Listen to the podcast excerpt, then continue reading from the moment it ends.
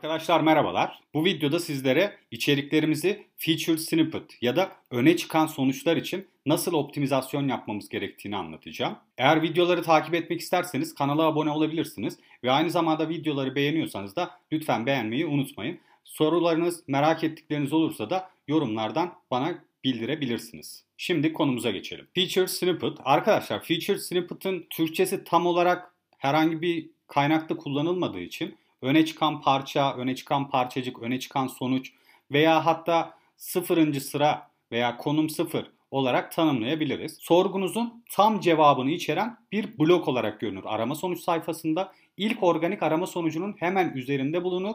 Bu nedenle konum sıfır yani İngilizcesiyle position sıfır, position zero olarak da adlandırılır. Yani bu şekilde de araştırmalarınızı yaparken bu kavramlar önünüze çıkarsa bunun feature snippet olduğunu anlayabilirsiniz. Öne çıkan sonuçta genelde görsel bulunabilir. Ancak bu görsel öne çıkan site ile aynı siteden olmayabilir arkadaşlar. Mesela bizim örnek görselimizde Rich Snippets aramasını yapmışız. Burada Rich Snippets aramasının Featured Snippet bölümündeki bu blok veya bu pasaj veya bu parça Backlinko sitesine ait. Ancak görsel Search Engine Land sitesine ait. Yani bu şekilde farklı görsellerde farklı sitelerden kaynaklarla kullanılabiliyor bu parçacıkta. Feature snippet türlerine bakalım. Arkadaşlar 4 farklı feature snippet türü var aslında şu ana kadar. Dördüncüsü video. Ancak ben buraya videoyu dahil etmedim. Video genelde YouTube sonuçlarının belli arama sorgularında ve çok çok az gerçekten bununla ilgili istatistikleri de göstereceğim birazdan. Belli arama sonuçlarında YouTube sonuçlarının çıkması. Onun dışındaki yani 3 tane paragraf, liste ve tablo öne çıkan sonuçlarını sizlerle şimdi paylaşacağım. Paragraf biçimde öne çıkan sonuçlar bu sonuçlarda genelde nasıl, kim, neden, ne zaman, ne, en iyi, farkları, en ucuz, en pahalı vesaire gibi sorulara paragraf türü cevaplar gösterilir.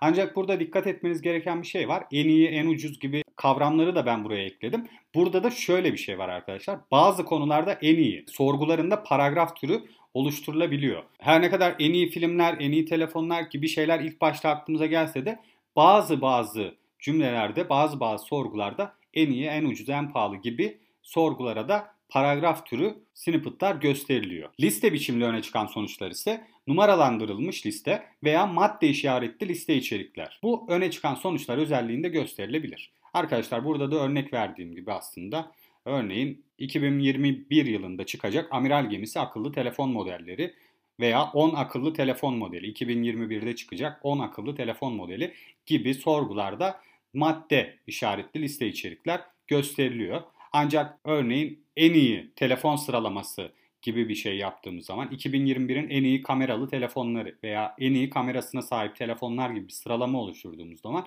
burada numaralandırılmış listede oluşturabiliriz. Tablo biçimli öne çıkan sonuçlar genellikle karşılaştırma tabloları içeren gönderiler için Feature Snippet'ta tablo göründüğünü görebiliriz. Google fiyatlar, oranlar, yıllar ve diğer sayısal verilerle iyi yapılandırılmış içeriğe değer verir arkadaşlar. Burada da mesela Google AdSense'de en çok kazandıran kelimeler diye bir arama yaptığımızda gördüğünüz gibi bu VP Mavi sitesindeki tabloyla karşılaşabiliyoruz Google'da. Burada 102 tane satır hatta 106 tane satır var. İlk 4 satırını burada görüyoruz. Tabii ki başlıklarla beraber 5 satır oluyor. Bu şekilde tablo olarak da sonuçlarımız yani sayfamızın içeriğimizin içerisindeki bir tabloyu Google'da öne çıkan bir sonuç olarak görebiliyoruz. SEMrush size daha önceki videolarda da bahsettiğim bir SEO aracı arkadaşlar. SEMrush'ın 2018'de yaptığı bir feature snippet araştırması var. Buradaki istatistiklerin bir kısmı birazcık aslında değişmiş olabilir. Biraz daha artmış olabilir. Ancak aşağı yukarı aslında benzer ve hala benzer özelliklere sahip feature snippet özellikleri bulunuyor. O yüzden sizlerle bunları da paylaşmak istedim. Amerika'da yapmış oldukları bu araştırmada mobilde 46 milyon, masa üstünde 160 milyon anahtar kelimeyi içeren araştırma sonucunda bazı veriler elde etmişler. Bunların sonucunda da arama sonuçlarının %19'unun feature snippet içerdiği görülmüş. Tabii ki de bu işte mesela artmış olabilir. Son 3 yılda özellikle daha fazla artmıştır muhakkak.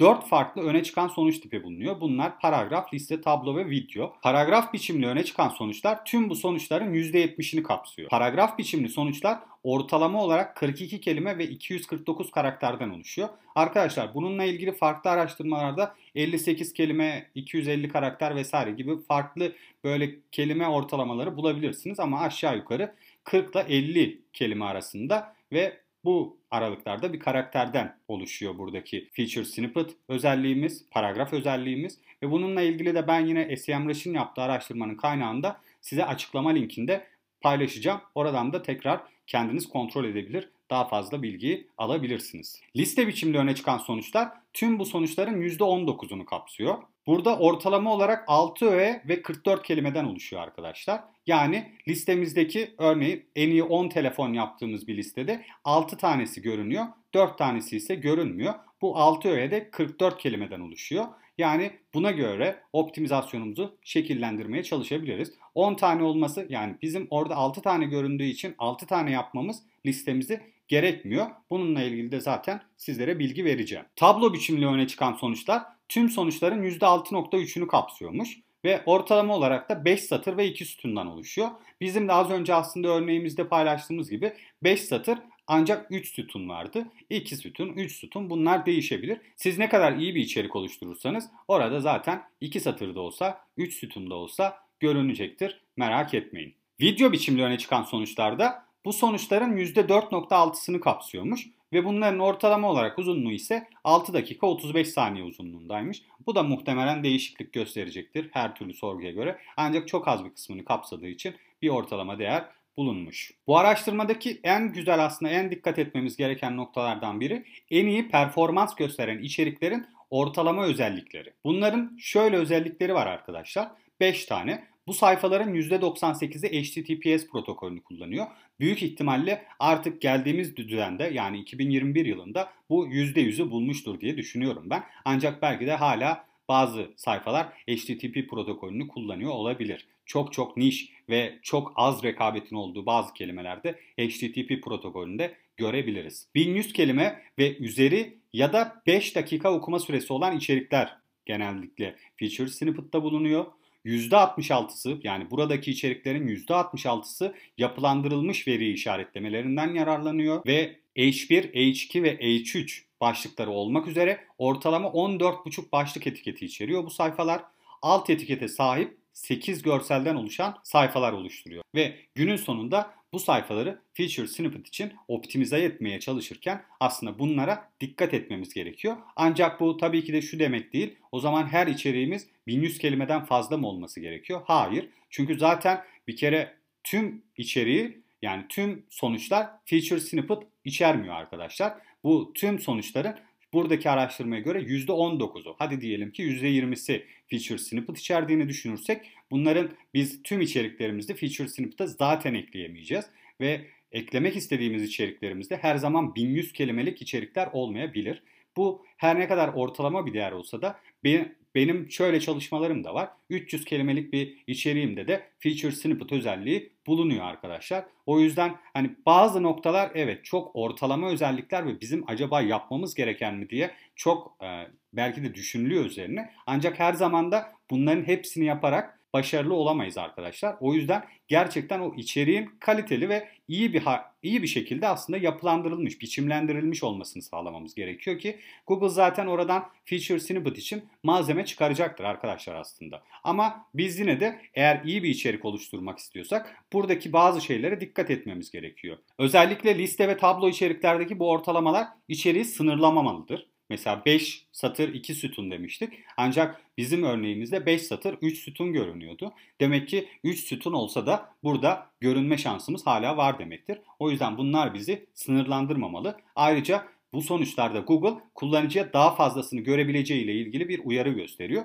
Bu sayede de tıklama oranını arttırabiliriz. Yani biz orada evet benim verdiğim örnekte 100 satır vardı ve ilk 5'ini görüyorduk biz ve Google kullanıcıya 102 100 satır daha var uyarısını gösterdiği için kullanıcı daha da meraklanıp buna tıklama oranını artırabiliriz. Paragraflar içinse buradaki ortalamalara göre içerik pasajlarını oluşturmak faydalı olabilir. Arkadaşlar bu aslında tamamen feature snippet için bir optimizasyondan daha çok aslında kullanıcılar için daha okunabilir içerikler üretmek için de önemli. Yani bir pasajın 49-50 kelimeden fazla olması gerçekten okunabilirliği zorlaştırıyor. Özellikle mobil cihazlarda bu çok çok daha uzun bir bölüm o haline geliyor ve okunabilirliği zorlaştırıyor aslında. Bunu düşünerek yaparsak aslında zaten feature snippet içinde biraz optimizasyon yapmış oluyoruz. Burada da en güzel örneklerden biri bir önceki videoda da verdiğim HubSpot örneği. HubSpot kendi içerisinde içeriğin feature snippet'ını bile oluşturuyor aslında ve bu da gerçekten çok faydalı ve kullanıcıyı anında aslında istediği cevabı almasını sağlayan bir pasaj olarak getiriyor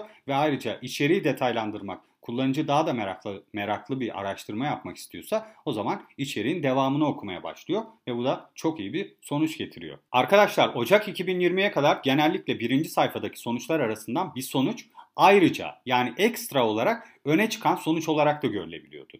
Ancak Google daha sonra sıfırıncı pozisyondaki sayfanın normal sıralamada olmayacağını açıkladı. Yani bir sonuç arama sayfasında yalnızca bir kez görünüyor artık. Ancak sıfırıncı pozisyonda olup aynı zamanda feature snippet olmadan sonuçlara bakmak istediğinizde sayfanızın gerçek sıralamasını görebilmeniz hala mümkün. Bunun için arama yaparken sonuç sayısını 9'a düşürerek gerçek sonucunuzu öğrenebiliyorsunuz arkadaşlar. Yani feature snippet'ta çıkan bir arama sorgunuz varsa bu arama sorgusunda sonuç sayısını 9'a düşürdüğünüz zaman gerçek sıralamanızı öğrenebiliyorsunuz. Eğer feature snippet bu sorguda olmasaydı siz kaçıncı sırada olurdunuz bunu öğrenebiliyorsunuz. Ve burada da bir örnek paylaştım sizlerle. Buradaki örnekle yapabilirsiniz. Örneğin bazı durumlarda feature snippet özelliğini kaldırmak isteyebilirsiniz. Bu da şu şekilde ortaya çıkıyor aslında. Bazı içeriklerde, bazı sorgularda birinci pozisyondaki site daha fazla trafik alabiliyor arkadaşlar. Her ne kadar feature snippet çok fazla alan kapsasa da yine de birinci sıradaki içerik daha fazla alan, daha fazla trafik alabiliyor.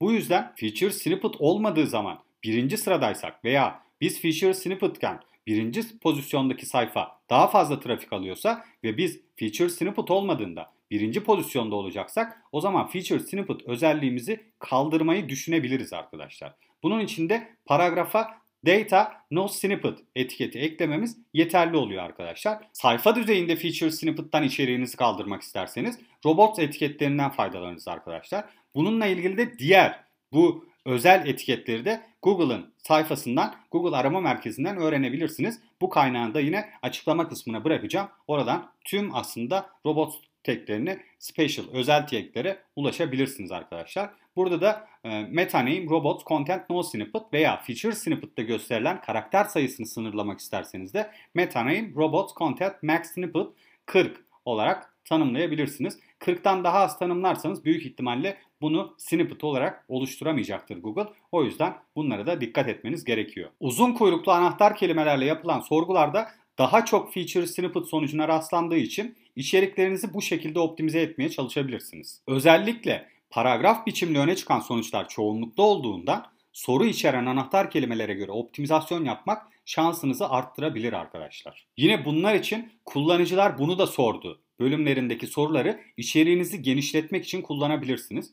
Bu sorgularda genellikle feature snippet sonucu bulunur zaten ve bunlar özel, daha uzun kuyruklu sorgulardır arkadaşlar. Bunlara da kesinlikle göz atmanızı tavsiye ediyorum. Bu arada da kullanıcılar bunu da sordu bölümünü. Eğer sektörel olarak veya işte bir şekilde bu konuyla ilgili bir araştırma, bir konuşma yapmanız gerekirse veya bir yerde duyarsanız aşina olmanız adına People Also Ask olarak söylendiği için aslında İngilizce kısaltması olarak da PAA olarak tanımlanır. Yani eğer bir yerlerde bununla ilgili yani PAA vesaire gibi bir şey duyarsanız PAA terms vesaire burada bu kullanıcılar bunu da sordu bölümünü kastettiğini anlayabilirsiniz. Bunu da bir ekstra not olarak sizlere paylaşmak istedim.